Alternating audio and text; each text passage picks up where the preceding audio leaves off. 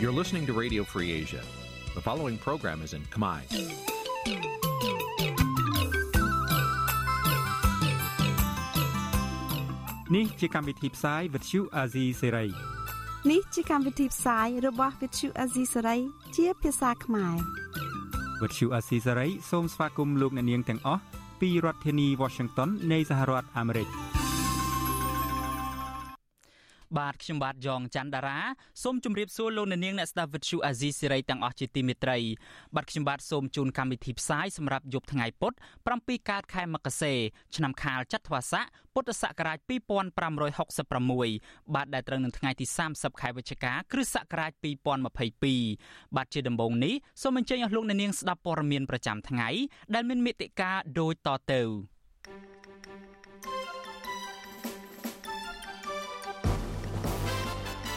សហរដ្ឋអាមេរិកនិងអូស្ត្រាលីអំពាវនាវឲ្យរដ្ឋាភិបាលកម្ពុជាដោះលែងកញ្ញាឈឹមស៊ីធ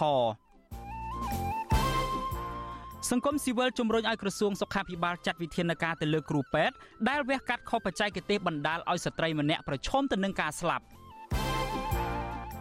បាទកសិករដាំមៀននៅខេត្តបាត់ដំបងត្អូញត្អែពីតម្លៃផ្លែមៀនចុះថោកប៉ះពាល់ដល់ជីវភាពគ្រួសារ អ្នកប្រាស្រ័យបណ្ដាញសង្គមមួយចំនួនរិះគន់បណ្ឌិតយ៉ងសាងកុមាររឿងចោះចូលជាមួយគណៈបកកណ្ដាលអំណាចរួមនឹងព័ត៌មានសំខាន់សំខាន់មួយចំនួនទៀត។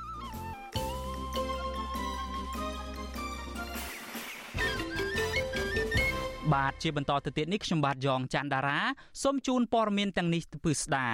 បាទលោកនាងជាទីមេត្រីអ្នកប្រើប្រាស់ Facebook មួយចំនួនដែលនិយមចូលចិត្តតាមដានរឿងបញ្ហាសង្គមនិងនយោបាយនោះបានចាប់អារម្មណ៍ខ្លាំងទៅលើករណីដែលបណ្ឌិតកសិកម្មគឺលោកយ៉ងសាងកុមារ ក្រោយពីលោកបានចុះចូលជាមួយគណៈបកកណ្ដាលអំណាចរបស់លោកហ៊ុនសែនតើអ្នកប្រើប្រាស់បណ្ដាញសង្គមទាំងនោះមានមតិយ៉ាងដូចម្តេចខ្លះជុំវិញការសម្រេចចិត្តផ្លាស់ប្តូរគោលនយោបាយជំហររបស់លោកយ៉ងសាងកូម៉ានៅពេលនេះបាទលោកអ្នកនាងនឹងបានស្ដាប់សេចក្តីព័ត៌រាយការណ៍ព័ត៌មាននេះពឹស្ដានាពេលបន្តិចទៀតនេះ។ បាទលោកអ្នកនាងជាទីមេត្រីពាក់ព័ន្ធទៅនឹងការចោះចូលទៅនឹងគណៈបកកណ្ដាលអំណាចពីសំណាក់លោកយ៉ងសាងកុមារនេះដែរគណៈបកប្រជាមូប្រជាធិបតេយ្យមូលដ្ឋាននៅថ្ងៃនេះបានចេញសេចក្តីប្រកាសព័ត៌មានមួយដោយអះអាងថាគណៈបកនឹងបន្តធ្វើដំណើរទៅមុខទៀតបើទោះបីជាលោកយ៉ងសាងកុមារនិងមន្ត្រីពីររូបផ្សេងទៀតដែលជាបង្គោលដ៏សំខាន់របស់គណៈបកនេះបានទៅចោះចូលជាមួយគណៈបកប្រជាជនកម្ពុជាក៏ដោយបាទថាតើគណៈបកប្រជាធិបតេយ្យមូលដ្ឋាននឹងបន្តដំណើរទៅមុខដោយរបៀបណាហើយគណៈបកនេះនឹងរៀបចំរចនាសម្ព័ន្ធដឹកនាំបែបណាខ្លះក្រោយពីការចាក់ចេញរបស់លោកបណ្ឌិតយ៉ងសាងកូម៉ានៅពេលនេះបាទសូមលោកអ្នកនាងរងចាំស្ដាប់បទសម្ភាសន៍អំពីរឿងនេះនៅក្នុងកម្មវិធីផ្សាយរយៈពេល30នាទីរបស់ Vuthu Azizi Siri គឺពីម៉ោង8កន្លះដល់ម៉ោង9នៅយប់នេះកុំបីខានបាទសូមអរគុណ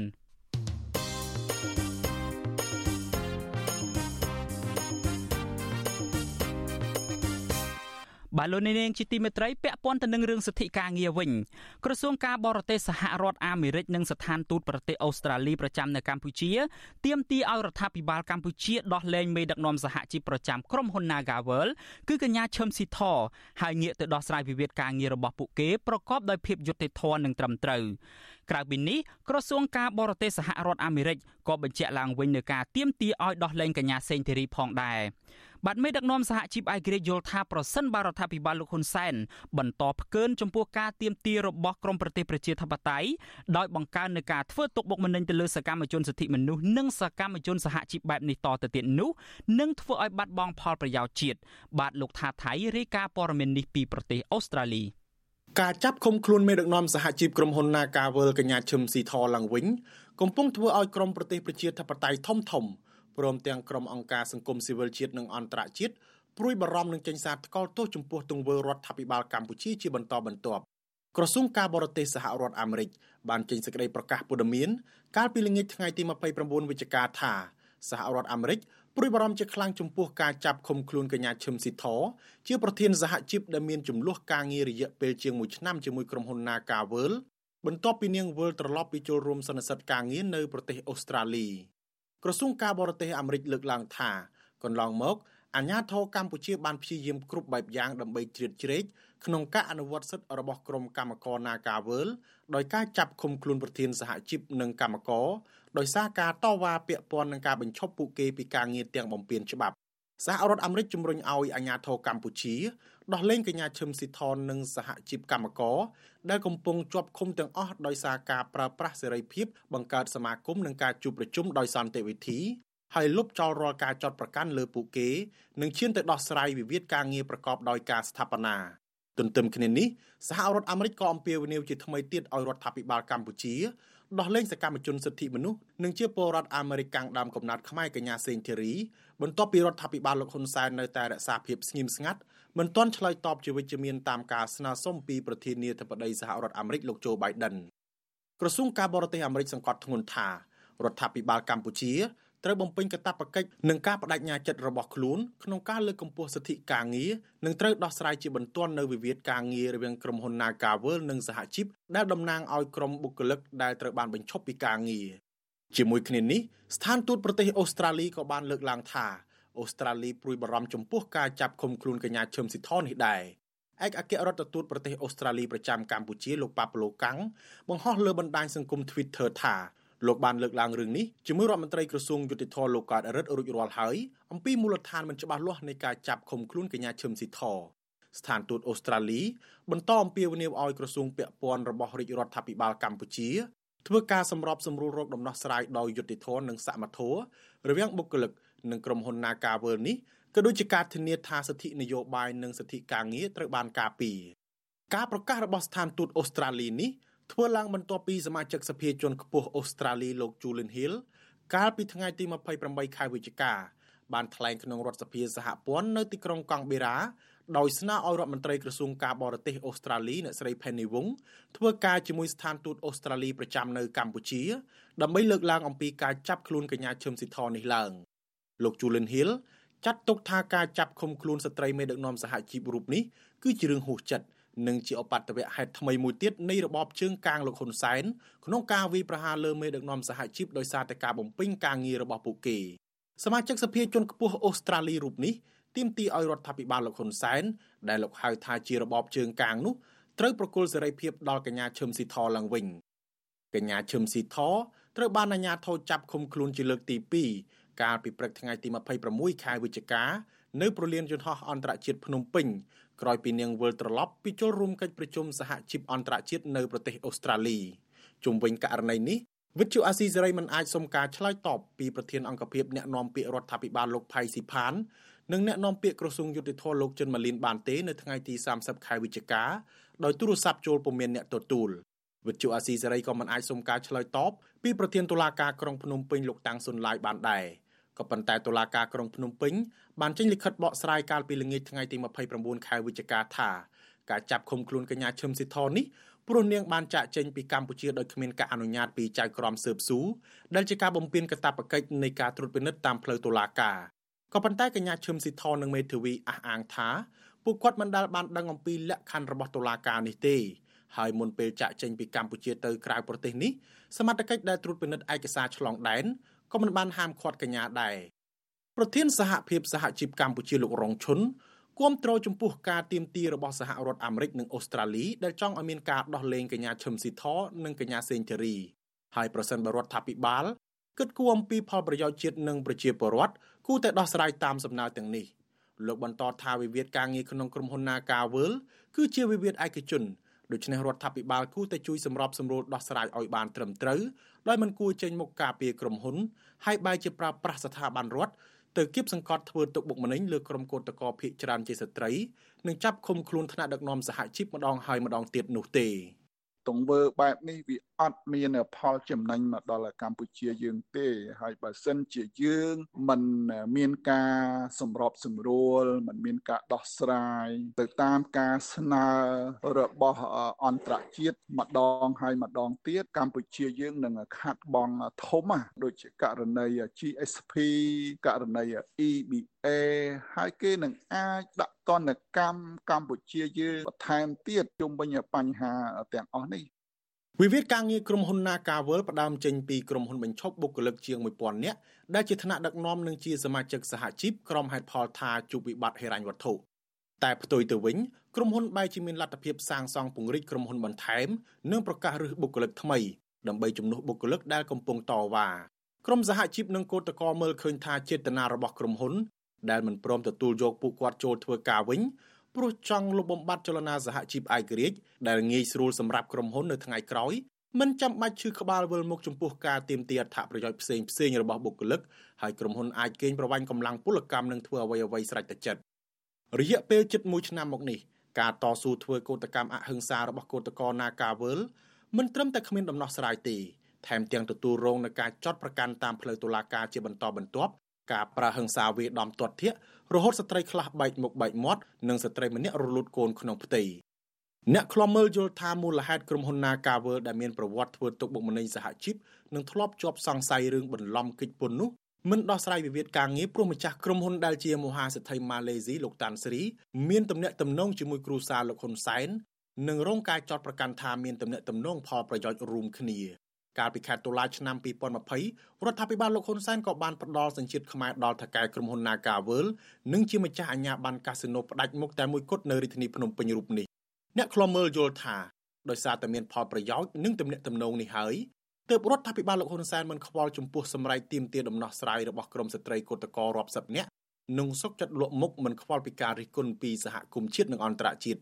មិនតែប៉ុណ្ណោះរដ្ឋាភិបាលលោកហ៊ុនសែនបានប្រើប្រាស់មន្ត្រីរាជការសាធារណៈ និងស្ថាប័នរដ្ឋដូចជាស្ថាប័នតុលាការដើម្បីគម្រាមកំហែងធ្វើទុកបុកម្នេញបង្ក្រាបដោយហិង្សាលើក្រុមកោតក្រនិងចាប់ឃុំខ្លួនក្រុមថ្នាក់ដឹកនាំសហជីពដែលលេចធ្លោ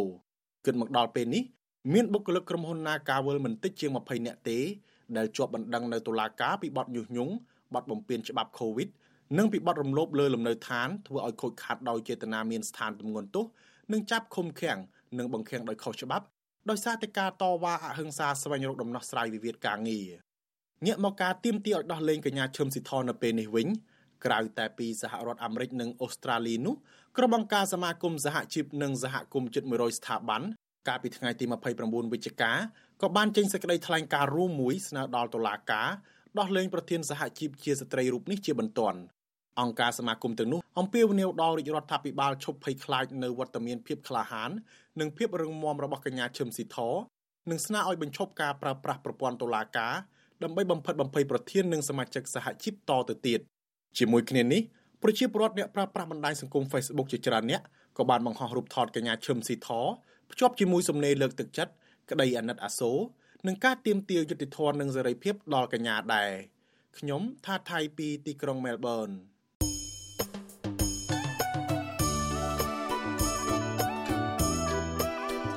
បាទលោកនាងជាទីមេត្រីដំណើរគ្នានឹងស្ដាប់ការផ្សាយរបស់ Vuthu Azizi Serai នៅតាមបណ្ដាញសង្គម Facebook និង YouTube លោកនាងក៏អាចស្ដាប់ការផ្សាយរបស់យើងតាមរយៈរលកធាតុអាកាសខ្លីឬមួយក៏ Shortwave បានដែរគឺតាមកម្រិតនិងកម្ពស់ដូចតទៅនេះពេលព្រឹកចាប់ពីម៉ោង5កន្លះដល់ម៉ោង6កន្លះតាមរយៈរលកធាតុអាកាសខ្លី9390 kHz ស្មើនឹងកម្ពស់ 32m និង11850 kHz ស្មើនឹងកម្ពស់ 25m ពេលយប់ចាប់ពីម៉ោង7កន្លះដល់ម៉ោង8កន្លះតាមរយៈរលកធាតុអាកាសខ្លី9390 kHz ស្មើនឹងកម្ពស់ 32m និង15155 kHz ស្មើនឹងកម្ពស់ 20m និង11885 kHz ស្មើនឹងកម្ពស់ 20m បាទសូមអរគុណ បាទលោកអ្នកនាងជាទីមេត្រីយើងងាកមកចាប់អារម្មណ៍ទៅនឹងបញ្ហាសុខាភិបាលឯនេះវិញអ្នកធ្វើការងារផ្នែកលើកកម្ពស់សិទ្ធិស្ត្រីជំរុញទៅក្រសួងសុខាភិបាលចាត់វិធានការតឹងរឹងទៅលើមន្ទីរសម្រាប់ព្យាបាលមួយ ដែលរងការចោទថាបានវះកាត់ខ្វះការទទួលខុសត្រូវដែលបណ្ដាលឲ្យស្ត្រីម្នាក់រងគ្រោះកាត់ដាច់គ្រឿងក្នុងដែលពេលនេះនាងប្រឈមទៅនឹងការបាត់បង់ជីវិត បាទការលើកឡើងនេះគណៈក្រសួងសុខាភិបាលសម្រាប់បិទជាបណ្ដោះអាសន្ននៅមន្ទីរសម្រាប់ព្យាបាលមួយកន្លែងនៅក្នុងខេត្តកំពង់ស្ពឺដើម្បីទុកពេលឲ្យអ្នកជំនាញស្រាវជ្រាវករណីនេះបាទនេះជាសេចក្តីរាយការណ៍របស់លោកជាតិចំណានស្ត្រីរងគ្រោះដែលជាកម្មកររោងចក្រកំពុងស្ថិតក្នុងស្ថានភាពសង្គ្រោះបន្ទាន់នៅមន្ទីរពេទ្យកាឡាម៉ែតរាជធានីភ្នំពេញស្ត្រីរូបនេះមានអាយុ22ឆ្នាំឈ្មោះឈៀងស្រីអូនដែលជាកម្មកររោងចក្រនៅខេត្តកណ្ដាលជាប់ព្រំប្រទល់ខេត្តកំពង់ស្ពឺមុនដំបូង នាងបានជួបបញ្ហាកូនស្លាប់ក្នុងពោះ5ខែដែលគ្រូពេទ្យតម្រូវឲ្យរំលោតកូនចេញប៉ុន្តែចុងក្រោយក៏កើតមានបញ្ហាគ្រូពេទ្យច្រឡំកាត់ពោះវៀនថាជាតងស្បូនដែលធ្វើឲ្យស្ត្រីរូបនេះដាច់គ្រឿងក្នុងជាច្រើនកន្លែងប្តីរបស់លោកស្រីឈៀងស្រីអូនគឺលោកផេងវឿនដែលជាកម្មកររោងចក្រដែរនោះឲ្យវិសុអេស៊ីស្រីដឹងនៅល្ងាចថ្ងៃទី30ខែវិច្ឆិកាថាប្រពន្ធរបស់លោកបានមកសង្គ្រោះបន្ទាន់នៅមន្ទីរពេទ្យកាឡាម៉ែត3ថ្ងៃហើយប៉ុន្តែលោកថាប្រពន្ធរបស់លោកមិនទាន់បានធូរស្រាលនៅឡើយទេ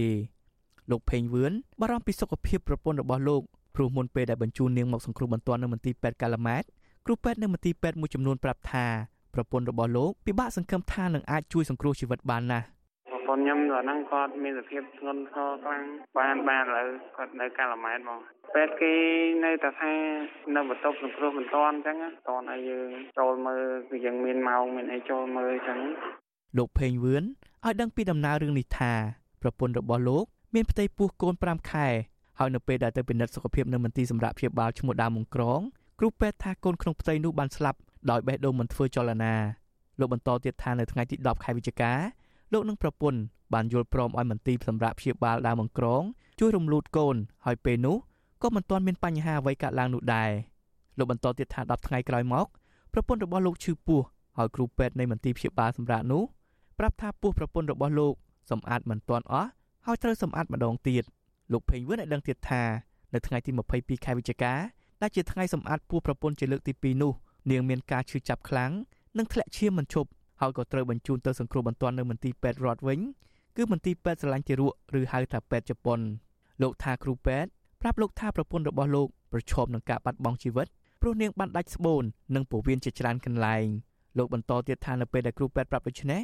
លោកក៏បញ្ជូនប្រពន្ធទៅសង្គ្រោះនៅប្រទេសវៀតណាមបន្តទៀតហើយគ្រូពេទ្យវៀតណាមក៏ប្រាប់ដែរថាប្រពន្ធរបស់លោកដាច់គ្រឿងក្នុងដែរបរិសុទ្ធជាប្តីរូបនេះក៏សម្រេចដឹកប្រពន្ធមកខ្មែរវិញលោកថានៅពេលដែលដឹកប្រពន្ធមកដល់ផ្ទះគឺលោកអស់សង្ឃឹមទៅហើយហើយប្រពន្ធរបស់លោកនៅតែឈឺចាប់ហើយនាងប្រាប់ថាគាត់មិនអាចដេករងចាំស្លាប់ទេហើយលោកក៏សម្រេចបញ្ជូនប្រពន្ធមកព្យាបាលនៅមន្ទីរពេទ្យកាឡាម៉ែត ថានៅសល់តិចជួយក៏គេហ្នឹងគេសុំសម្អាតម្ដងទៀតទៅពេលគេសម្អាតទៅចេះតែទាញវាទៅច្រើនទៅវាទៅច្រើនទៅពេលខ្ញុំក៏សួរថាអ្នកគ្រូពេទ្យអាហ្នឹងអីគេខ្លះបានអីក៏ច្រើនណាស់ហើយអ្នកគ្រូពេទ្យហ្នឹងថាតងសពទៅពេលគេប្រជុំមកដល់មន្ទីរពេទ្យជប៉ុនទៅពេលវះកាត់ទៅគេថាអស់ពោះវៀនអស់អីហើយគេជួយអត់បានបានបាទពេទ្យជប៉ុនគេថាមនុស្សអស់គ្រឿងក្នុងអស់ពោះវៀនអស់អីហើយគេជួយអត់បានអញ្ចឹងណាតកតទៅនឹងករណីនេះ នាយិកាអង្គការក្លាហានអ្នកស្រីប៊ុនរចនាលើកឡើងថាករណីនេះគឺជារឿងសោកសៅនិងតក់ស្លុតដែលអាចធ្វើឲ្យស្ត្រីរូបនោះប្រឈមនឹងការបាត់បង់ជីវិតអ្នកធ្វើការងារតាក់ទងនឹងការលើកកម្ពស់ស្ត្រីរូបនេះជំរុញឲ្យមានការអនុវត្តច្បាប់លើមន្ទីរ clinic ឯកជននោះអ្នកស្រីបន្តទៀតថាការធ្វើប្រហែសក៏ជាបទល្មើសនោះដែរហើយប្រសិនបើក្រសួងសុខាភិបាលមិនការពារនិងដោះស្រាយបញ្ហានេះឲ្យទាន់ពេលនោះករណីបែបនេះអាចនឹងកើតមានដដែលដដែលទៀត។ ក្រៅពីការដាក់ពិន័យឬក៏ដកអាជ្ញាប័ណ្ណទៅលើទៅនៅតាមមន្ទីរ clinic ណាមួយដែលគាត់អត់បានយកចិត្តទុកដាក់ខ្ពស់ហ្នឹងគួរតែពិនិត្យពិច័យទៅលើការអនុវត្តច្បាប់ដែលមាននៅក្នុងក្រមព្រំដែនរបស់យើងដែរព្រោះការរាល់ទង្វើនៃការធ្វើប្រហែសណាមួយដែលធ្វើឲ្យបាត់បង់អាយុជីវិតឬក៏បង្កនៅពិការភាពទៅដល់បុគ្គលណាមួយដោយសារតែសេវារបស់ខ្លួនដែលមានការធ្វើប្រហែសហ្នឹងវាជាទោសទណ្ឌដែរស្រដៀងគ្នានេះដែរ ប្រធានអង្គការសម្ព័ន្ធភាពការពារសិទ្ធិមនុស្សកម្ពុជាហៅកាត់ថាច្រាក់លោករស់សុថាយល់ថាការច្រឡំកាត់ពោះវៀនថាជាតងសុកគឺអាចកើតឡើងដោយសារតែពេទ្យធ្វើការខ្វះវិជ្ជាជីវៈគ្មានស្មារតីរឹងមាំក្នុងការវះកាត់បូករួមទាំងបញ្ហាឧបករណ៍សម្ភារៈផងដែរលោកបន្តទៀតថារដ្ឋាភិបាលឬក្រសួងសុខាភិបាលមុនពេលអនុញ្ញាតឲ្យ clinic ឯកជនបើកធ្វើអាជីវកម្មគួរមានការពិនិត្យដិតដល់ដើម្បីធានាថាការធ្វើអាជីវកម្មនោះនឹងមិនបង្កគ្រោះថ្នាក់ ជាជាបញ្ហាបន្ទុករបស់រាជរដ្ឋាភិបាលត្រូវគិតទៅលើគុណភាពសេវាកម្មនឹងឯងតាមទស្សនៈខ្ញុំហ្នឹងគឺថាមុនឲ្យคลิกនិចមួយនឹងគេថាធ្វើបម្រើសេវានឹងបានលុះត្រាតែគ្រប់តគណៈវិនិច្ឆ័យសុខាភិបាលអីខ្លះអញ្ចឹងណាគ្រូពេទ្យទាំងឡាយត្រូវមានគេហៅថាឆ្លងកាត់នៅបទពិសោធន៍អីខ្លះណាទើបអាចឲ្យទៅមកធ្វើការអញ្ចឹងបើមិនអញ្ចឹងទេអាចជាបញ្ហាសេវាកម្មមួយដែលមានគ្រោះថ្នាក់សម្រាប់ប្រជាជនកម្ពុជាវិទ្យុអស៊ីសេរីមិនអាចសុំការឆ្លើយតបពីអ្នកនាំពាក្យក្រសួងសុខាភិបាល អ្នកស្រីអាវវិនឌិនបានទេនៅថ្ងៃទី30ខែវិច្ឆិកាទោះជាយ៉ាងណាក្រសួងសុខាភិបាលសម្រាប់បិទបណ្ដោះអាសន្នមន្ទីរពេទ្យសម្រាប់ព្យាបាលឯកជនដែលមានបញ្ហានោះសេចក្តីសម្រេចរបស់ក្រសួងសុខាភិបាលចុះកាលពីថ្ងៃទី29ខែវិច្ឆិកាឲ្យដឹងថាមន្ទីរសម្រាប់ព្យាបាលឈ្មោះដើមមងក្រងមានទីតាំងនៅស្រុកកងពិសីខេត្តកំពង់ស្ពឺដែលមានអ្នកស្រីវិជ្ជបណ្ឌិតសួសច័ន្ទរស្មីជាអ្នកទទួលខុសត្រូវក្រសួងសុខាភិបាលបានដឹងទៀតថាការបិទបណ្ដោះអាសន្ននេះដើម្បីសិក្សាស្រាវជ្រាវឲ្យបានច្បាស់លាស់ ដើម្បីចាត់ការតាមច្បាប់ជាធរមានទោះជាបែបនេះក្តីក្រសួងសុខាភិបាលមិនបានបញ្ជាក់លម្អិតអំពីដំណើររឿងនេះឲ្យបានច្បាស់លាស់ដូចជាការចែករំលែកព័ត៌មានតាមបណ្ដាញសង្គម Facebook ដែលថាមន្ទីរសម្រាប់ព្យាបាលនេះបានច្រឡំកាត់ពោះវៀនថាជាតងស្បូនក្នុងពេលរំលូតកូនឲ្យស្ត្រីនោះឡើយករណីនេះខ្លះជាការចាប់អារម្មណ៍ពីអ្នកប្រើប្រាស់បណ្ដាញសង្គម Facebook ដោយពួកគេបានចែករំលែកព័ត៌មាននេះជាបន្តបន្ទាប់ក្នុងរយៈពេលប្រមាណថ្ងៃនេះនៅពេលដែលក្រសួងសុខាភិបាល បង្ហោះសេចក្តីសម្រេចពីការផ្អាកមន្ទីរសម្រាប់ព្យាបាលនេះតាមទំព័រ Facebook ក៏មានអ្នកប្រើប្រាស់បណ្ដាញសង្គមខ្លះបញ្ចេញមតិឬខមមិនថាទោះបីជាក្រសួងបិទក្តីប៉ុន្តែម្ចាស់មន្ទីរសម្រាប់ព្យាបាលឬ clinic នោះអាចបដូរឈ្មោះឲ្យទៅបើកកន្លែងថ្មីហើយអ្នកខ្លះទៀតរិះគន់ថាគោបាត់ទើបធ្វើរបងខ្ញុំបាទជាចំណាន Visual Assisray ពីរដ្ឋធានី Washington បាទលោកនាងជាទីមេត្រីយើងងាកចេញពីរឿងសិទ្ធិការងាររឿងសុខាភិបាលមកចាប់អារម្មណ៍ទៅនឹងបញ្ហានយោបាយដែលវិវត្តចុងក្រោយនេះវិញដោយដែលលោកនាងប្រកាសជាបានជ្រាបស្រាប់ហើយថាលោកបណ្ឌិតយ៉ងសាងកុមារដែលជាមន្ត្រីជាន់ខ្ពស់មួយរូបនៃគណៈបកប្រជាធិបតេយ្យមូលដ្ឋាននិងជាអ្នកជំនាញកសិកម្មបានសម្រេចចិត្ត ដ៏គួរឲ្យភ្ញាក់ផ្អើលមួយគឺការចោះចូលជាមួយនឹងគណៈបកប្រជាជនកម្ពុជារបស់លោកហ៊ុនសែនបាទអ្នកប្រើប្រាស់បណ្ដាញសង្គម Facebook ដែលនិយមតាមដានរឿងបញ្ហាសង្គមនិងនយោបាយបានបង្ហាញចំណាប់អារម្មណ៍យ៉ាងខ្លាំងចំពោះបញ្ហានេះថាតើអ្នកប្រើប្រាស់បណ្ដាញសង្គមទាំងនោះមានមតិយ៉ាងដូចម្ដេចខ្លះជុំវិញការសម្រេចចិត្តផ្លាស់ប្តូរគោលនយោបាយ180ដឺក្រេរបស់លោកបណ្ឌិតយ៉ងសាងកុមារនៅពេលនេះបាទលោកសេកបណ្ឌិតសូមដកស្រង់នៅទស្សនៈទាំងនេះយកមកជម្រាបជូនលោកអ្នកនាងកញ្ញាដូចតទៅបាទ បាទលោកនាងកញ្ញាជាទីមេត្រីអ្នកប្រើប្រាស់បណ្ដាញសង្គមដែលនិយមចូលចិត្តតាមដានរឿងបញ្ហាសង្គមនិងនយោបាយបានបញ្ចេញទស្សនៈផ្សេងផ្សេងគ្នា ទៅលើករណីបណ្ឌិតកសិកម្មលោកយ៉ងសង្គមាដែលបានចុះចូលរួមរស់ជាមួយនឹងគណៈបកកាន់អំណាចអ្នកខ្លះចេញសារអបអរសាទរពេលលោកបណ្ឌិត បានទទួលមុខតំណែងខ្ពស់ក្នុងជួររដ្ឋាភិបាលលោកហ៊ុនសែនចំណែកអ្នកខ្លះទៀតក៏បានរិះគន់ឌឺដងសោយចំអកឲ្យលោកផងក៏មាន ដោយថាទទួលបានមុខតំណែងខ្យល់និងគ្មានអំណាចធ្វើអ្វីបានតាមបំណងរបស់ខ្លួនទៅកើតឡើយក្នុងរដ្ឋាភិបាលឯកបកបែបនេះអ្នកប្រើប្រាស់បណ្ដាញសង្គម Facebook មួយឈ្មោះថាលីហួហេងបានសរសេរឆ្លើយតបបែបជូនពរផងឌឺដង ទំនងជាចង់ចំអកឲ្យផងរឿងលោកបណ្ឌិត បានទទួលមុខតំណែងខ្ពស់ក្នុងរដ្ឋាភិបាលយ៉ាងដូចនេះថាជូនពរឯកឧត្តមបណ្ឌិតជោគជ័យក្នុងជីវភាពនយោបាយថ្មី តែកុំភ្លេចណា មើលសហគមន៍សបោសបាយផង ស្រកានាគមូលៀនគុំទុរិនអូសោមដែលលោកបានបង្កើតឡើងនោះផងកុំឲ្យជាប់គាំងនាំឲ្យសមាជិកមានទុកដោយសារគម្រោងរបស់លោកម្ចាស់កេរនី Facebook ឈ្មោះលីហូហេងដដែលនេះបានអះអាងទៀតថាគម្រោងស្ទះมันមានផលចំណូលជូនដល់សមាជិកតាមផែនការម្នាក់ម្នាក់កំពុងតែរងទុក្ខដោយឡែកអ្នកប្រើប្រាស់បណ្ដាញសង្គម Facebook មួយទៀត ដែលដាក់ឈ្មោះថាសុកនូប៉ែនបានបញ្ចេញមតិឬខមមិនឆ្លើយតបនឹងរឿងនេះដែរថាបើបានឋានៈជារដ្ឋមន្ត្រីក្រែងប្រសើរខ្លះតែបើអត់ទេគុំសង្ឃឹមថាមានការផ្លាស់ប្ដូរវិស័យនេះរដ្ឋលេខាធិការក្រសួងសុខាភិបាលជាអ្នកបច្ចេកទេសទប់ស្កាត់ជំងឺ Covid-19 មានគុណសម្បត្តិធំធំ នៅស្ងាត់បាត់ឈឹងលមមត្រឹមអ្នកបច្ចេកទេសចុះចូល មានប្រយោជន៍ស្អីទៅ ចំណែកម្ចាស់ករណី Facebook មួយទៀតឈ្មោះថាសុផាតសុផាតជូលីបានឆ្លោះបញ្ចាំងទៅលើគោលដៅរបស់លោកបណ្ឌិតយ៉ងសាងកូម៉ាដែលថាចង់ចូលទៅជួយពង្រឹងវិស័យកសិកម្មសង្គ្រោះកសិករខ្មែរដែលកំពុងរងទុក្ខវេទនានោះគាត់មើលឃើញថា ជាគោលការណ៍គឺល្អហើយ តែឧបសគ្គមានដូចជា ការមិនសហការអំពើពុករលួយជីគ្រឿងយន្តកសិកម្មថ្លៃប្រព័ន្ធធារាសាស្ត្រគ្មានគុណភាពលាក់នឹងលាក់ តើត្រូវទប់ទល់ដោះស្រាយបែបណា មន្ត្រីរដ្ឋមិនខ្វះទេអ្នកខ្លាំងខ្លាំងចុងក្រោយនាំគ្នាបន្ទោសតែកសិករម្ចាស់កេរនី Facebook មួយទៀតឈ្មោះ Brands Iconostasis Spices បានបញ្ចេញទស្សនៈថាខ្ញុំជឿថាគោលនយោបាយលោកបណ្ឌិតកុំថាឡើយទុកពេលឲ្យ5ឆ្នាំខ្ញុំធានា50ឆ្នាំក៏ទៅមិនរួចដែរគោលនយោបាយរបស់លោកបណ្ឌិតនេះគេហៅថា គោលនយោបាយដងទុំឲ្យលោកបណ្ឌិត ក្រៅពីមតិរិះគន់ក៏មានមតិចូលរួមអបអរសាទរដែរម្ចាស់កេរនី Facebook មួយទៀតឈ្មោះផេងខៀងបានសរសេរសារគាំទ្រយ៉ាងដូចនេះថាខ្ញុំឯកភាពនិងរីករាយនៅពេលដែលលោកបណ្ឌិត បានចូលរួមជាមួយនឹងរដ្ឋាភិបាល ជួយវិស័យកសិកម្មខ្មែរឲ្យរីកចម្រើនខ្ញុំជឿថាកាលណាកសិករមានជីវភាពធូរធារសេដ្ឋកិច្ចជាតិក៏រីកចម្រើនតាមនោះដែរ ទស្សនៈស្រដៀងគ្នានេះដែរម្ចាស់កេរនី Facebook មួយទៀតឈ្មោះជាចរាវី បានសរសេរថាខ្ញុំនៅតែគាំទ្រនិងគោរពការសម្រេចចិត្តរបស់លោកគ្រូធ្វើដើម្បីកសិករចំណែកម្ចាស់កេរនី Facebook ដែលដាក់ឈ្មោះថាច័ន្ទប៊ុនសារឿតបានសរសេរលើកទឹកចិត្តលោកបណ្ឌិតយ៉ុងសានកូម៉ាដែរថាលោកបណ្ឌិត មានឱកាសបម្រើជាតិហើយសូមបញ្ចេញឲ្យអស់ពីសមត្ថភាពកសិករកំពុងរងចាំទោះជាយ៉ាងណាក្តី ម្ចាស់ករណី Facebook មួយចំនួនទៀតនៅតែសម្ដែងការហួសចិត្តដែលលោកបណ្ឌិតកសិកម្មយ៉ងសាង្គបា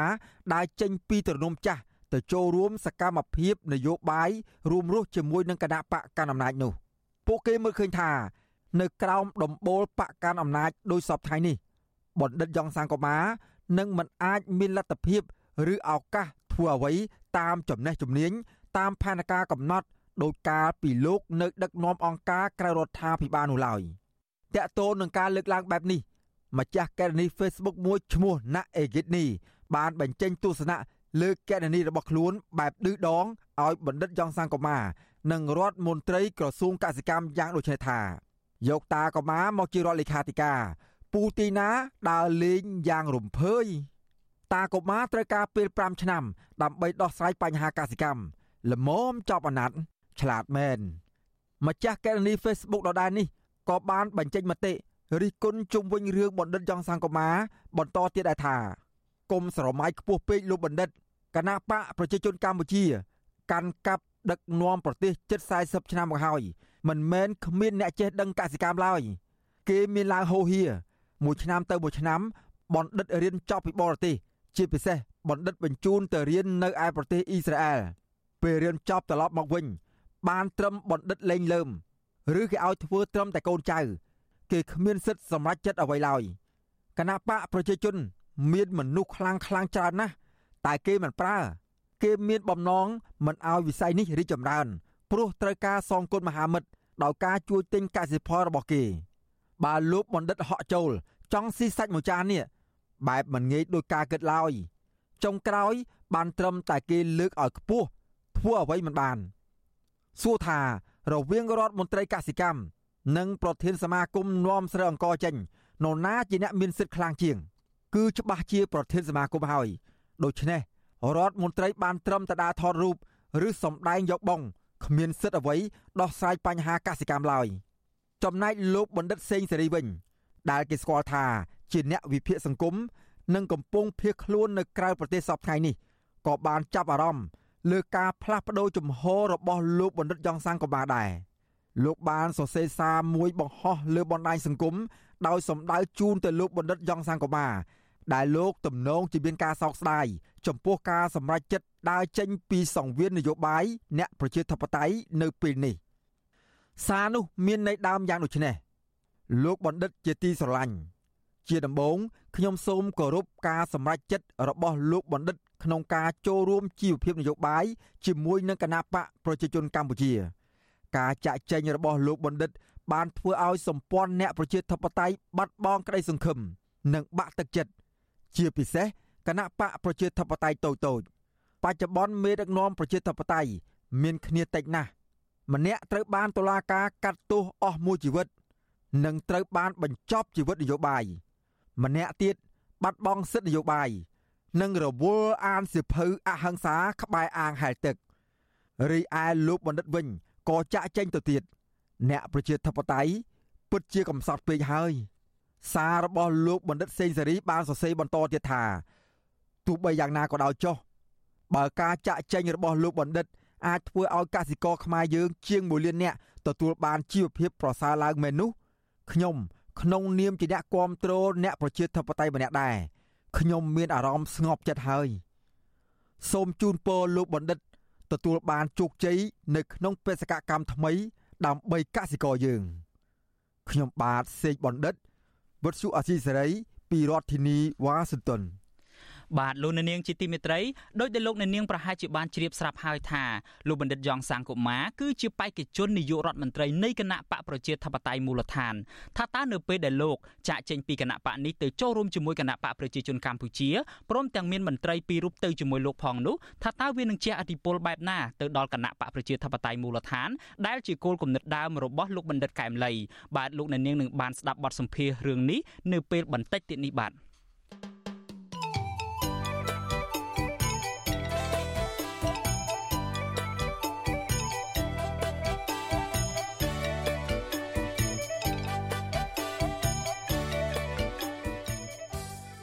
បាទលោកអ្នកនាងជាទីមេត្រីពាក់ព័ន្ធទៅនឹងបញ្ហាបរិស្ថាននៅក្នុងតំបន់អារ៉ៃនៅឯខេត្តកោះកុងឯណោះវិញក្រមយុវជនខ្មែរថាវរៈនិងជនជាដើមភាគតិចជងទាមទារឲ្យអាជ្ញាធរខេត្តកោះកុងបង្ហាញព្រំប្រទល់និងទំហំផ្ទៃដីតំបន់អភិរក្សអារ៉ែងដែលត្រូវកាត់ជ្រៀលប្រគល់ជូនរដ្ឋបាលខេត្តកោះកុងគ្រប់គ្រងជំនួសវិញបាទពួកគាត់សង្ស័យថាអាជ្ញាធរខេត្តនេះព្យាយាមលាក់បាំងព័ត៌មានជុំវិញរឿងនេះនាំឲ្យសកម្មភាពបំផ្លាញព្រៃឈើទ្រង់ទ្រាយធំកាន់តែរីករាលប៉ះពាល់ដល់តំបន់អភិរក្សអារ៉ែងបាទនេះជាសេចក្តីរាយការណ៍របស់លោកសនច័ន្ទរដ្ឋាក្រមយុវជនខ្មែរថាវរៈនិងជនជាតិភេទជោអាងថាប្រកបមិនតន់ទទួលបានព័ត៌មានពិស្ដាតាក់ទងទំហំផ្ទៃដីដែលបានកាត់ជ្រៀលតំបន់អភិរក្សអារ៉ែងប្រគល់ជួររដ្ឋបាលខេត្តកោះកុងគ្រប់គ្រងស្របតាមអនុក្រឹត្យលេខ30របស់រដ្ឋាភិបាលនៅឡើយទេរីឯអាជ្ញាធរក៏មិនតន់បោះបង្គោលកំណត់តំបន់អភិរក្សឲ្យបានច្បាស់លាស់ហើយខ្លឹមសារអនុក្រឹត្យលេខ30ក៏មិនតន់ឃើញអាជ្ញាធរបង្ហាញឲ្យផ្សព្វផ្សាយឲ្យបានទូលំទូលាយនៅឡើយទេ កាលពីថ្ងៃទី26វិច្ឆិកាក្រមយុវជនខ្មែរថាវរៈតំណាងក្រមយុវជនករណីប្រៃរ៉ែងនិងជនជាតិភេទចូល14នាក់បានប្រដេមេដៃដាក់ញត្តិទៅមន្ទីរបរិស្ថានខេត្តកកុងដើម្បីស្នើបង្ហាញផែនទីព្រំប្រទល់របស់អរ៉ែងដែលបានកាត់ជ្រៀលដើម្បីប្រគល់ជួររដ្ឋបាលខេត្តកកុងការពារការដាក់ញត្តិនេះក្រោយពីប្រកាសឃើញសកម្មភាពកាប់ទន្ទ្រានព្រៃទ្រង់ទ្រាយធំតាមបណ្ដោយដងស្ទឹងអរ៉ែងនៅក្នុងភូមិត្រៀកឃុំចំណប់ស្រុកថ្មបាំងតំណាងក្រមយុវជនខ្មែរថាវរៈលោកហ៊ុនវណ្ណៈ ប្រាវិទ្យាអេស៊ីសរ៉ៃថ្ងៃទី30ខែវិច្ឆិកាថាការពន្យាពេលមកបោះបង្គោលកំណត់របស់អភិរក្សឲ្យបានច្បាស់លាស់គឺជាការរបស់មន្ត្រីខលខូចនិងក្រុមឈ្មួញខុបខិតគ្នាលុតដីតំបន់អភិរក្សទ្រង់ទ្រាយធំនៅក្នុងឃុំច្រករស័យនិងឃុំចំណប់កាលពីឆ្នាំ2022កន្លងទៅលោកបញ្ជាក់ថាក្រុមឈ្មួញបានលើកហេតុផលថាប្រៃដែលប្រកបកាប់ទន្ទ្រានធ្វើជីវកម្មមិនមែនជាតំបន់អភិរក្សនោះទេ ដល់ពេលនេះគឺទំហំប្រប៉ុន្មានហើយកាត់ជ្រៀលកន្លែងណាអាអនុក្រឹតចេញថ្ងៃណាអីអត់ទាន់ដឹងអីទាំងអស់យើងមើលឃើញថាវាជាចេតនាមួយលាក់បាំងប្រជាពលរដ្ឋមែនតើណាមានជនជាតិអាកាសគាត់កាប់ទន្ទ្រានព្រៃហើយគាត់សំអាងយកហេតុផលថាព្រៃដែលគាត់កាប់ហ្នឹងមិនមែនជាតំបន់អភិរក្សផងព្រោះអត់មានបកគោលណាបោះប្រាប់គាត់ផងលោកហ៊ុនវណ្ណៈបន្ថែមថាការមិនកំណត់ព្រំប្រទល់របស់អភិរក្សនឹងបង្កើតមានបញ្ហាច្រើនប៉ះពាល់ដល់សិទ្ធិជនជាតិដើមភាគតិចជង រួមមានដីស្រែចម្ការដែលប្រកបអាស្រ័យផលប្រចាំថ្ងៃត្រូវឆ្មាំអភិរក្សរបស់ក្រសួងបរិស្ថានហាមឃាត់រីឯព្រៃឈើតាមបណ្ដោយដងស្ទឹងអរ៉ែងត្រូវបានគេកាប់បំផ្លាញជាបន្តបន្ទាប់ហើយការទិញលក់ដីព្រៃអភិរក្សនៅតែបន្តកើតមានច្រើនវិទ្យុអេស៊ីសរ៉ៃមិនតន់អាចតតងសុំការបំភ្លឺរឿងនេះពីប្រធានមន្ត្រីបរិស្ថានខេត្តកកុងលោកហ៊ុនម៉ារ៉ាឌីនិងអភិបាលខេត្តកកុងអ្នកស្រីមេតនាភូថងបានឡើយទេ នៅថ្ងៃទី30ខែវិច្ឆិកាដោយទូរស័ព្ទហៅចូលតែគ្មានអ្នកលើក ប៉ុន្តែមន្ត្រីនៃមន្ទីរបរិស្ថានខេត្តកកុងលោកគង់ចន្ទថយប្រាប់ក្រុមយុវជនខ្មែរថាវរៈថាញាត់នេះពួកលោកបានដាក់ជួបប្រធានមន្ត្រីរួចហើយដើម្បីពិនិត្យនិងសម្រេចលោកបញ្ជាក់ថាប្រសិនបើប្រធានមន្ត្រីសម្រេចបែបណានោះលោកនឹងឆ្លើយតបត្រឡប់ទៅវិញលោកធានតាន់មានយោបល់អីណាបើសិនគាត់មានយោបល់អីចាំខ្ញុំឬក៏គាត់ឲ្យខាងរដ្ឋបាលឬខាងណាអ្នកធ្វើលិខិតឆ្លើយតបទៅអូនវិញកាលពីដើមខែតុលាកន្លងទៅក្រមយុវជនខ្មែរថាវរៈរកឃើញសកម្មភាពកាប់ទន្ទ្រានព្រៃអភិរក្សអរ៉ែង អស់5មេតាប៉ះពាល់ដល់ចម្រោកសត្វព្រៃនិងព្រៃឈើដែលជាកន្លែងតាក់ទាញភ្ញៀវទេសចរ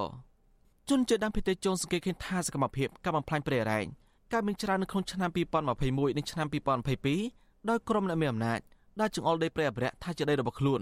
ហើយបានកាប់បំផ្លាញដើមឈើធំធំដួលរាយប៉ាយហើយដុតកំទេចចោលដើម្បីយកដីធ្វើជាកម្មសិទ្ធិដែលបណ្ដាព្រៃឈើកាន់តែរិចរិលធំឡើងធំឡើងដោយគ្មានការទប់ស្កាត់ចំណែកជនជាតិដើមភាគតិចចូលនៅតំបន់អរ៉ែងលោកវ៉ាន់វ៉ន សង្កេតឃើញថាតំបន់អភិរក្សគ្មានព្រំប្រទល់ច្បាស់លាស់ដែលធ្វើប្រកខ្លះនិងឈ្មោះខូចខូចឆអាកាសកັບទន្ទ្រានព្រៃធ្វើជាកម្មសិទ្ធិកាន់តែធំឡើងធំឡើងហើយសកម្មភាពកាប់ដំឈើធំធំឲ្យដួលរលំនិងចាប់សាព្រៃលក់នៅតែបន្តកើតមានច្រើន។ព្រោះដោយសារមានបុគ្គលមួយចំនួនទៅគេលក់ដីព្រៃអញ្ចឹងទៅដូចជាមន្ត្រីអាជ្ញាធរមួយចំនួនវាមានសិទ្ធិមានអំណាចអញ្ចឹងគេចង្អុលកន្លែងនេះដីរបស់គេអញ្ចឹងទៅគេលក់បានហើយដល់ពេលអញ្ចឹងអាហ្នឹងវាដីវាព្រៃដល់ពេលដែលគេម្ចាស់គេទិញគេទៅឈូសឆាយ រុករានដីហ្នឹងឯងអាហ្នឹងវាធ្វើលក្ខណៈវាកាន់តែរិចរិលលើធនធានធម្មជាតិហ្នឹងកាន់តែធំទៅធំទៅជុំវិញរឿងនេះមន្ត្រីសម្របសម្បូរសមាគមអាត់ហុកខេត្តកកុងលោកថងចន្ទរាយល់ថាអាញាធរខេត្តកកុងត្រូវយកចិត្តទុកដាក់ដោះស្រាយបញ្ហានេះដោយត្រូវពន្លឿនបបង្គោលកំណត់ព្រំដីនៅរបបអរ៉ៃបានច្បាស់លាស់ដើម្បីកាត់បន្ថយការទន្ទ្រានព្រៃខុសច្បាប់ ដំណើរការលេងវាស់វែងរបស់បកគោនឹងវាដូចវាដូចជាយឺតយ៉ាវបាទព្រោះអនុក្រឹតនឹងចេញចូលជាងនេះហើយជាងចូលជាងមួយឆ្នាំហើយបាទក្រមយុវជនខ្មែរថាវរៈនិងជនជាតិដើមភាគតិចជងព្រមានថាបាញ្ញាធរខេត្តកកុងមិនដោះស្រាយញាត់នេះទេពួកគាត់នឹងដាក់ញាត់បន្តទៀតនៅស្ថាប័នពាក់ព័ន្ធថ្នាក់ជាតិនៅពេលឆាប់ឆាប់នេះជ្រលងអរ៉ៃគឺជាកន្លែងដ៏ស្រស់ស្អាតមួយក្នុងខេត្តកកុងដែលមានប្រភេទសត្វព្រៃកម្រអមលើព្រៃឈើរសតកាលបន្សល់ចុងក្រោយនៅកម្ពុជាតំបន់នោះ ជាកន្លែងដែលជនជាតិដើមភាគតិចជាង1000នាក់កំពុងរស់នៅជាមួយនឹងបរិស្ថានធម្មជាតិស្រស់បំព្រងតាមបណ្ដោយចលងភ្នំដែលមានសត្វព្រៃកម្ររស់នៅរួមមានសក្កពើភ្នំត្រីនាគនិងដំរីធំធំជាដើម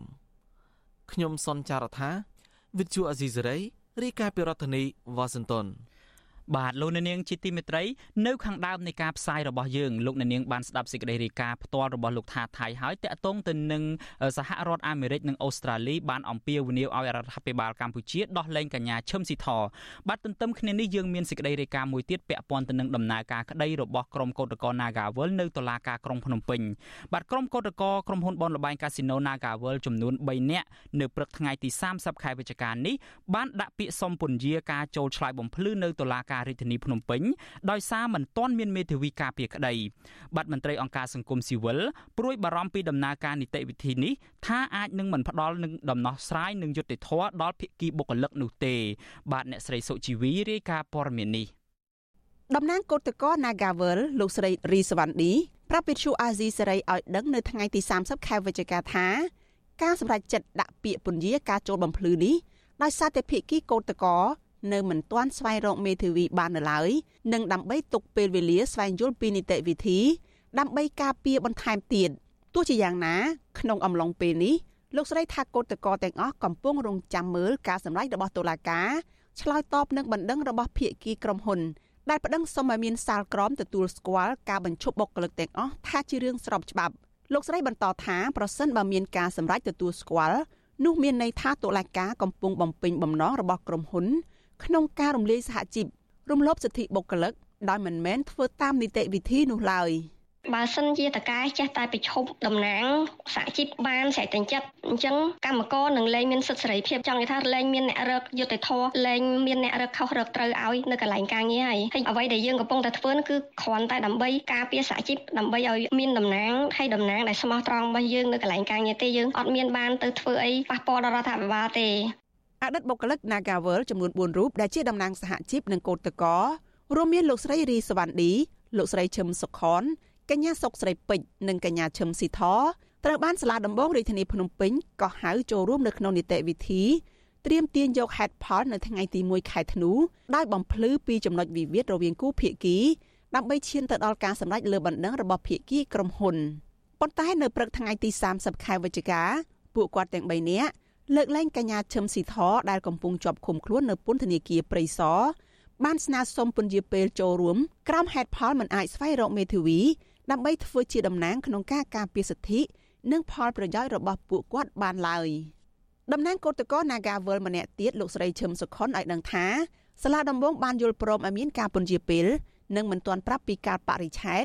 ដែលនឹងត្រូវចូលទៅម្ដងទៀតនោះទេតែលោកស្រីខកចិត្តចំពោះរដ្ឋាភិបាលកម្ពុជា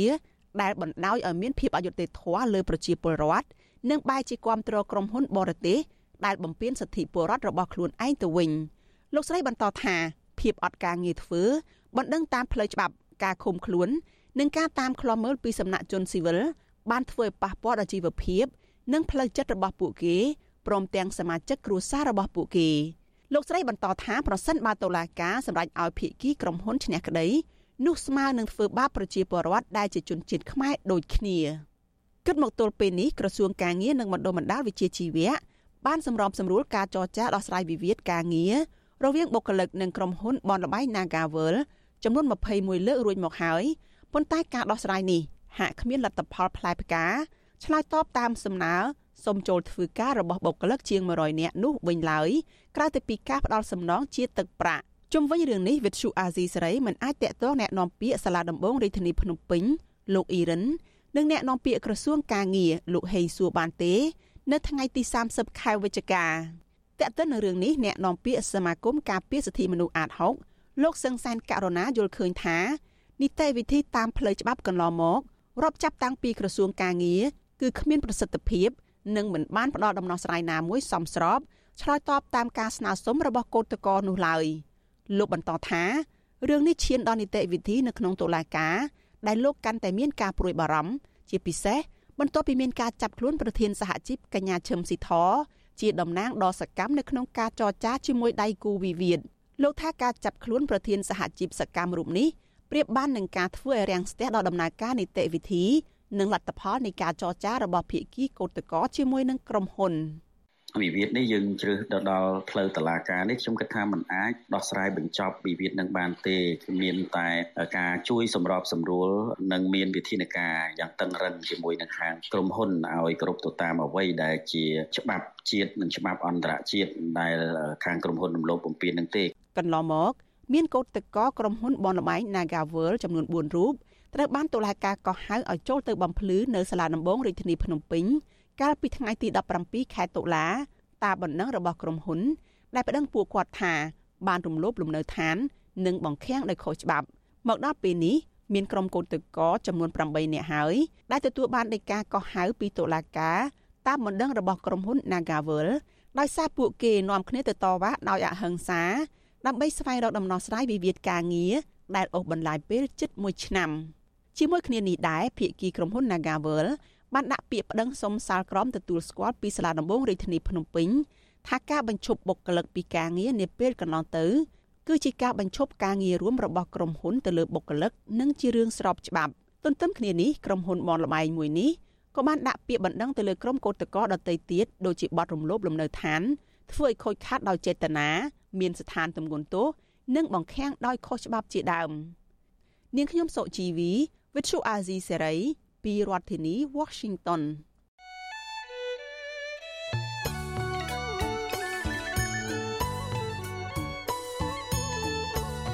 បាទលោកអ្នកនាងជាទីមេត្រីនៅក្នុងឱកាសនេះដែរខ្ញុំបាទសូមថ្លែងអំណរគុណដល់លោកអ្នកនាងកញ្ញាទាំងអស់ដែលតែងតែមានភក្ដីភាពចំពោះការផ្សាយរបស់យើងហើយចាត់ទុកការស្ដាប់វិទ្យុអាស៊ីសេរីជាផ្នែកមួយនៃសកម្មភាពប្រចាំថ្ងៃរបស់លោកអ្នកនាងបាទការគ្រប់គ្រងរបស់លោកអ្នកនាងនេះហើយដែលធ្វើឲ្យយើងខ្ញុំមានទឹកចិត្តកាន់តែខ្លាំងក្លាថែមទៀតនៅក្នុងការស្វែងរកនិងផ្តល់ព័ត៌មានពិតជូនលោកអ្នកនាងបាទមានអ្នកស្ដាប់អ្នកទស្សនាកាន់តែច្រើនកាន់តែធ្វើឲ្យយើងខ្ញុំមានភាពស្វាហាប់មោះមុតជាបន្តទៅទៀត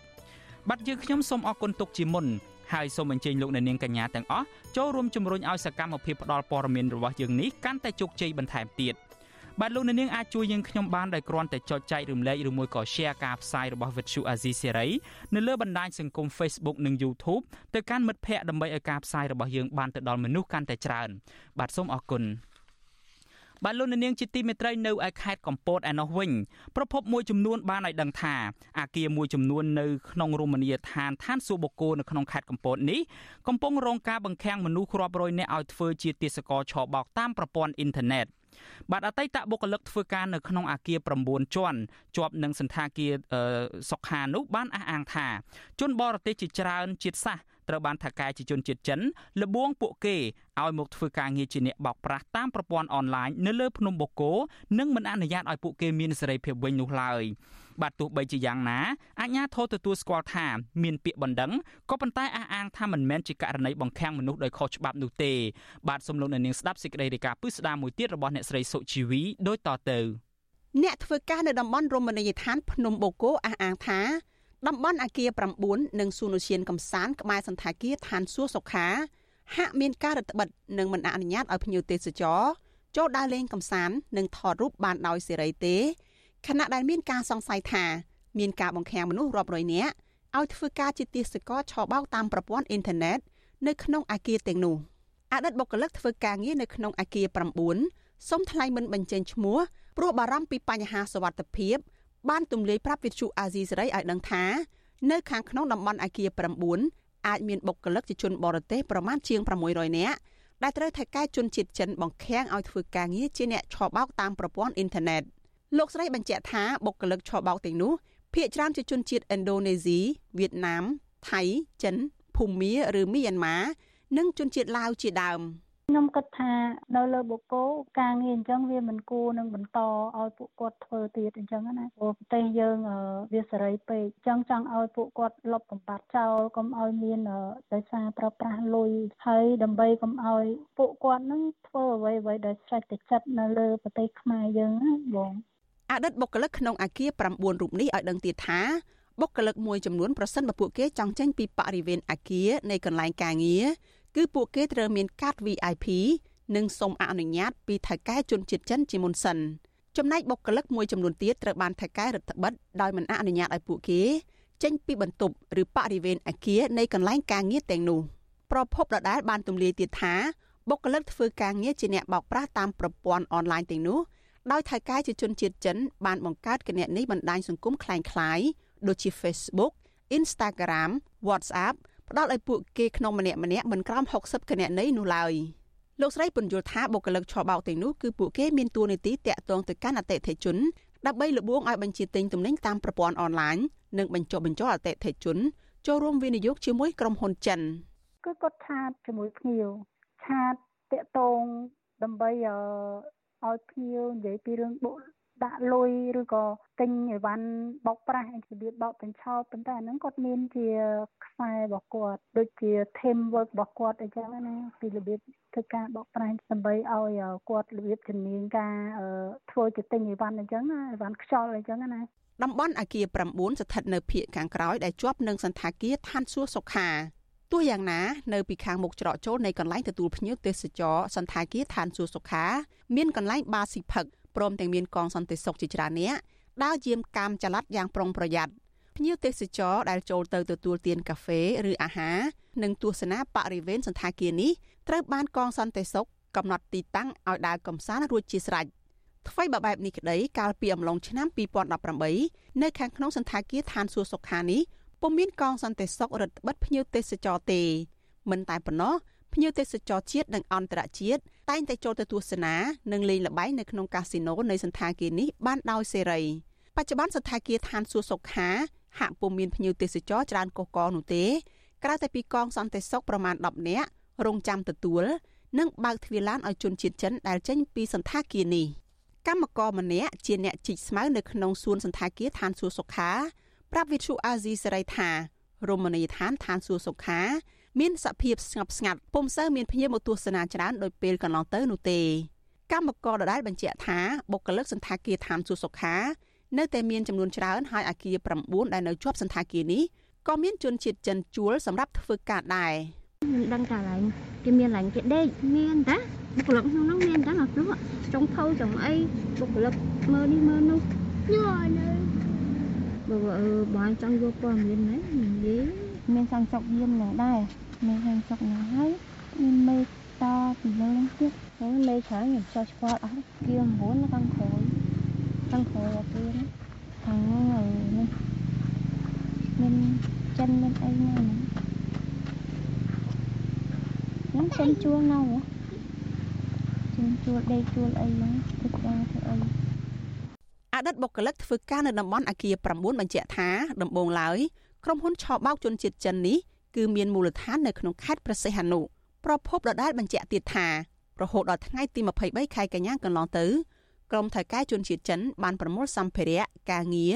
និងបញ្ជូនបុគ្គលិកឲ្យមកធ្វើការនៅក្នុងអាគារនៅលើភ្នំបូកគូនេះបញ្ហាហ្នឹងក៏ប៉ូលីសគាត់បានដឹងរឿងអញ្ចឹងហើយគាត់ក៏បានមូមកលើបូកគោបណ្ដោះអាសន្នសិនលោកស្រីនិយាយទៀតថាលោកស្រីបានចូលធ្វើការងារនៅក្នុងក្រុមហ៊ុនឆបោកនេះបានត្រឹមតែជាង4ខែប៉ុណ្ណោះ លោកស្រីបញ្ជាក់ថាពេលកំពុងបម្រើការងារលោកស្រីមានទួនាទីស្វែងរកបុគ្គលិកពីប្រទេសឥណ្ឌូនេស៊ី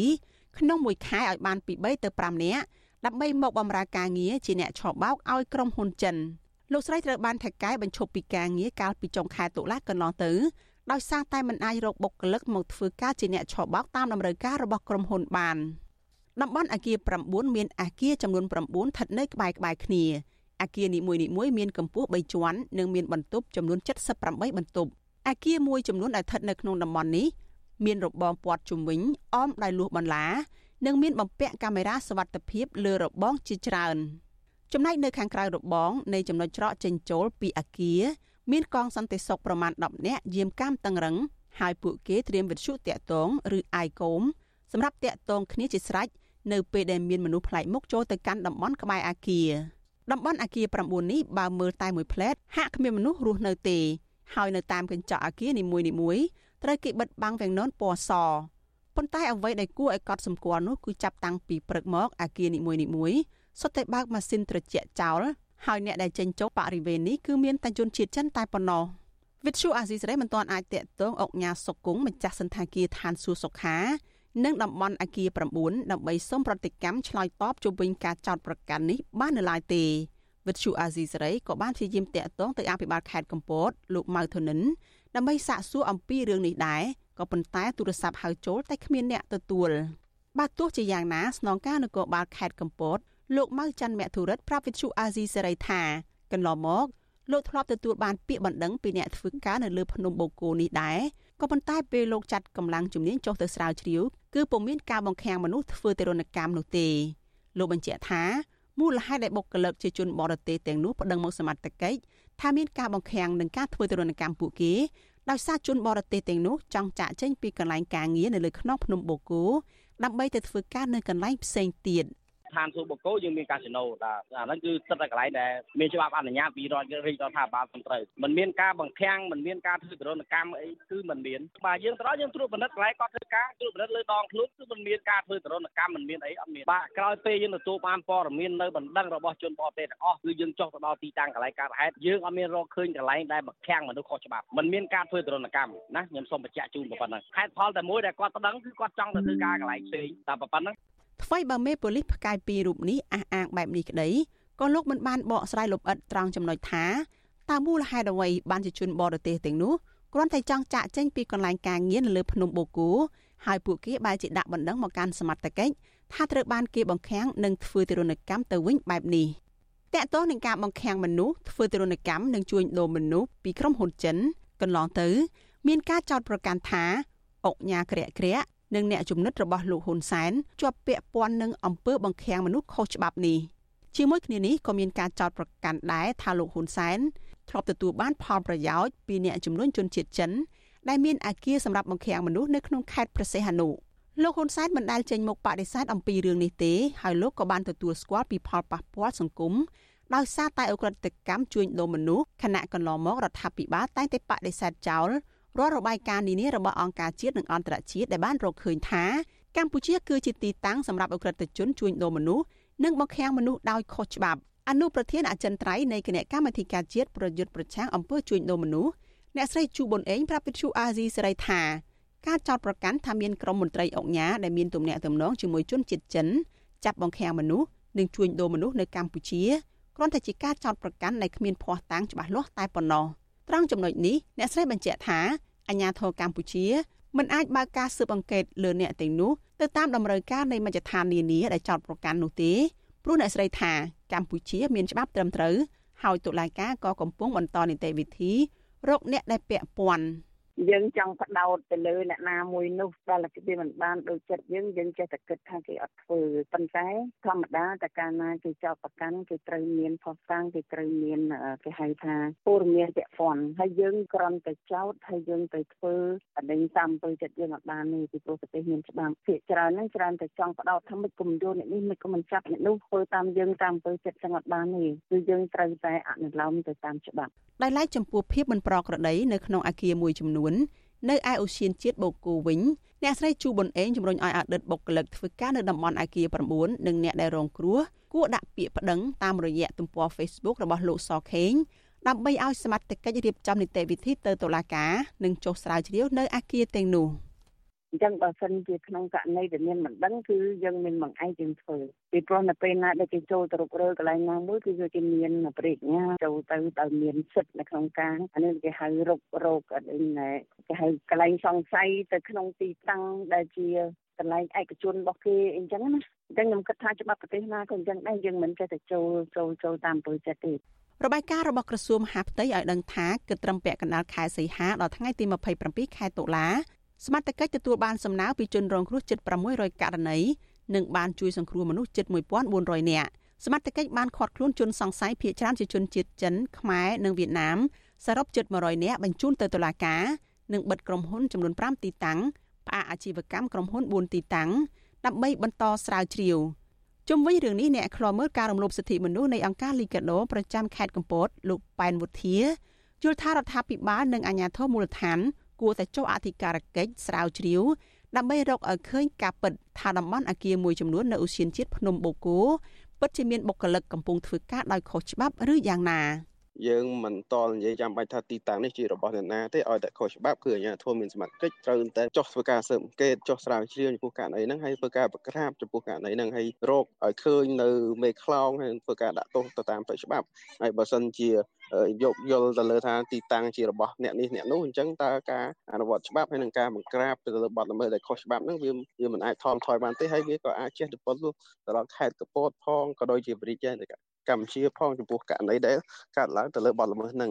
ថ្មីត្បិតអាញាធរបានជួយសង្គ្រោះជនបរទេសរាប់រយនាក់បញ្ជូនទៅប្រទេសកំណើតពួកគេវិញជាបន្តបន្ទាប់យ៉ាងណាក្តីមកទល់ពេលនេះរដ្ឋាភិបាលនៅតែមិនទាន់រកឃើញមេខ្លោងធំធំជាប់ពាក់ព័ន្ធនឹងការបង្ខាំងនិងជួញដូរមនុស្សនេះ ដើម្បីបង្ហាញឲ្យមហាជនបានដឹងនៅឡើយត្បិតមេខ្លោងទីនោះអាចជាមនុស្សបម្រើផលប្រយោជន៍ដល់គណៈបកប្រជាជនកម្ពុជា និងរដ្ឋាភិបាលរបស់លោកហ៊ុនសែនជាងនេះទៅទៀតស្របពេលដែលកម្ពុជា នៅតែជាប់ឈ្មោះជាប្រទេសដែលមានអំពើពុករលួយជាប្រព័ន្ធនិងមានអំពើនីតិរដ្ឋភាពផងនោះឧក្រិដ្ឋកម្មជួញដូរមនុស្សនិងការបង្ខាំងមនុស្សដោយខុសច្បាប់នេះទំនងរដ្ឋាភិបាលលោកហ៊ុនសែននឹងមិនងាយដោះស្រាយឲ្យមានប្រសិទ្ធភាព និងលុបបំបាត់ឲ្យសាបរលាបពីកម្ពុជាឡើយ នាងខ្ញុំសុជីវី With Chu Azizi Serai ពីរដ្ឋធានី Washington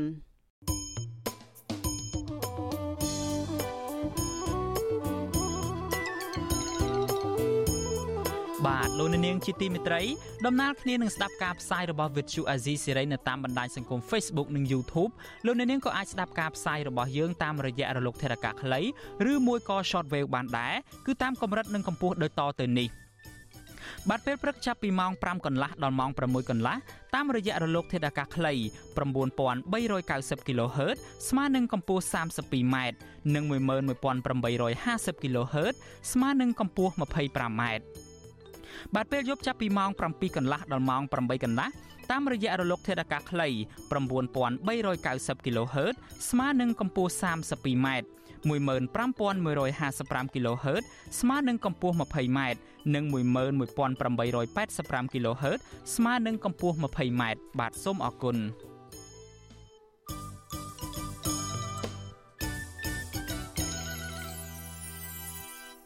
បាទលោកនាងជាទីមេត្រីពាក់ព័ន្ធទៅនឹងបញ្ហាជីវភាពរបស់ប្រជាពលរដ្ឋឯនេះវិញកសិករដាំមៀនព្រួយបារម្ភ អំពីបញ្ហាតម្លៃចុះថោកស្របពេលកម្ពុជាគ្រោងនាំចេញផ្លែមៀនស្រស់ទៅប្រទេសចិនដោយផ្ទាល់នៅក្នុងខែតុលាខាងមុខនេះសង្គមស៊ីវិលយល់ថារដ្ឋាភិបាលនិងស្ថាប័នពាក់ព័ន្ធគួរតែជួយធ្វើយ៉ាងណាឲ្យផ្លែមៀនស្រស់របស់កសិករមានតម្លៃសមរម្យបាទលោកនាងនឹងបានស្ដាប់សេចក្តីរាយការណ៍នេះពឺស្ដានៅក្នុងការផ្សាយរបស់យើងនៅព្រឹកស្អែក។ បាទលោកនាងជាទីមេត្រីបើទោះបីជាកម្ពុជានៅតែជាប្រទេសកំពុងអភិវឌ្ឍហើយប្រជាពលរដ្ឋភាគច្រើនមានជីវភាពក្រីក្រនិងក្បែរក្រីក្រយ៉ាងណាក្តីក៏ថ្នាក់ដឹកនាំរដ្ឋាភិបាល ជាពិសេសគឺលោកនាយករដ្ឋមន្ត្រីហ៊ុនសែនតែងតែសម្ញែងសម្ភារៈប្រណិតប្រណិតដែលមានតម្លៃថ្លៃដល់សាធារណជន បាទមន្ត្រីអង្គការសង្គមស៊ីវិលនិងយុវជនយល់ថាទម្លាប់សម្ភារៈនិយមរបស់ថ្នាក់ដឹកនាំបែបនេះគឺជាគំរូមិនល្អដែលមិនគិតគូរដល់ប្រជាពលរដ្ឋក្រីក្រនោះឡើយបាទលោកអ្នកនាងក៏នឹងបានស្ដាប់សេចក្តីរាយការណ៍នេះនៅក្នុងការផ្សាយរបស់យើងនៅព្រឹកស្អែកដែរបាទ បាទលោកអ្នកនាងជាទីមេត្រីសម្រាប់លោកអ្នកនាងដែលកំពុងតាមដានកម្មវិធីផ្សាយរបស់យើងតាមរយៈរលកធាតុអាកាសខ្លីឬមួយក៏ shortwave នោះនៅម៉ោង8:30នាទីបន្តិចទៀតនេះលោកអ្នកនាងនឹងមិនលឺការផ្សាយរបស់យើងទៀតទេក៏ប៉ុន្តែលោកអ្នកនាងដែលកំពុងតាមដានការផ្សាយរបស់យើងនៅតាមបណ្ដាញសង្គម Facebook និង YouTube សូមលោកអ្នកនាងបន្តជាមួយយើងរយៈពេល30នាទីបន្តទៅទៀតបាទនៅក្នុងកម្មវិធីរយៈពេល30នាទីបន្តទៅទៀតនេះខ្ញុំបាទសូមប្រកុលនាទីជូនទៅលោកទីនសាការីយ៉ាដើម្បីឲ្យលោកសម្របសម្រួលកិច្ចពិភាក្សាមួយផ្ដោតទៅលើប្រតិកម្មរបស់គណៈបកប្រជាធិបតេយ្យមូលដ្ឋានហៅកាត់ថា GDP តាក់ទងទៅនឹងការចាក់ចេញរបស់លោកយ៉ងសាងកុមារនិងមន្ត្រីជាន់ខ្ពស់មួយចំនួននៃគណៈបកនេះទៅចូលរួមជាមួយនឹងគណៈបកប្រជាជនកម្ពុជា បាទខ្ញុំបាទសូមអរគុណនិងសូមជម្រាបលាលោកនាងហើយសូមប្រកល់នេះជូនទៅដល់លោកទីនសាការីយ៉ាបាទសូមអរគុណ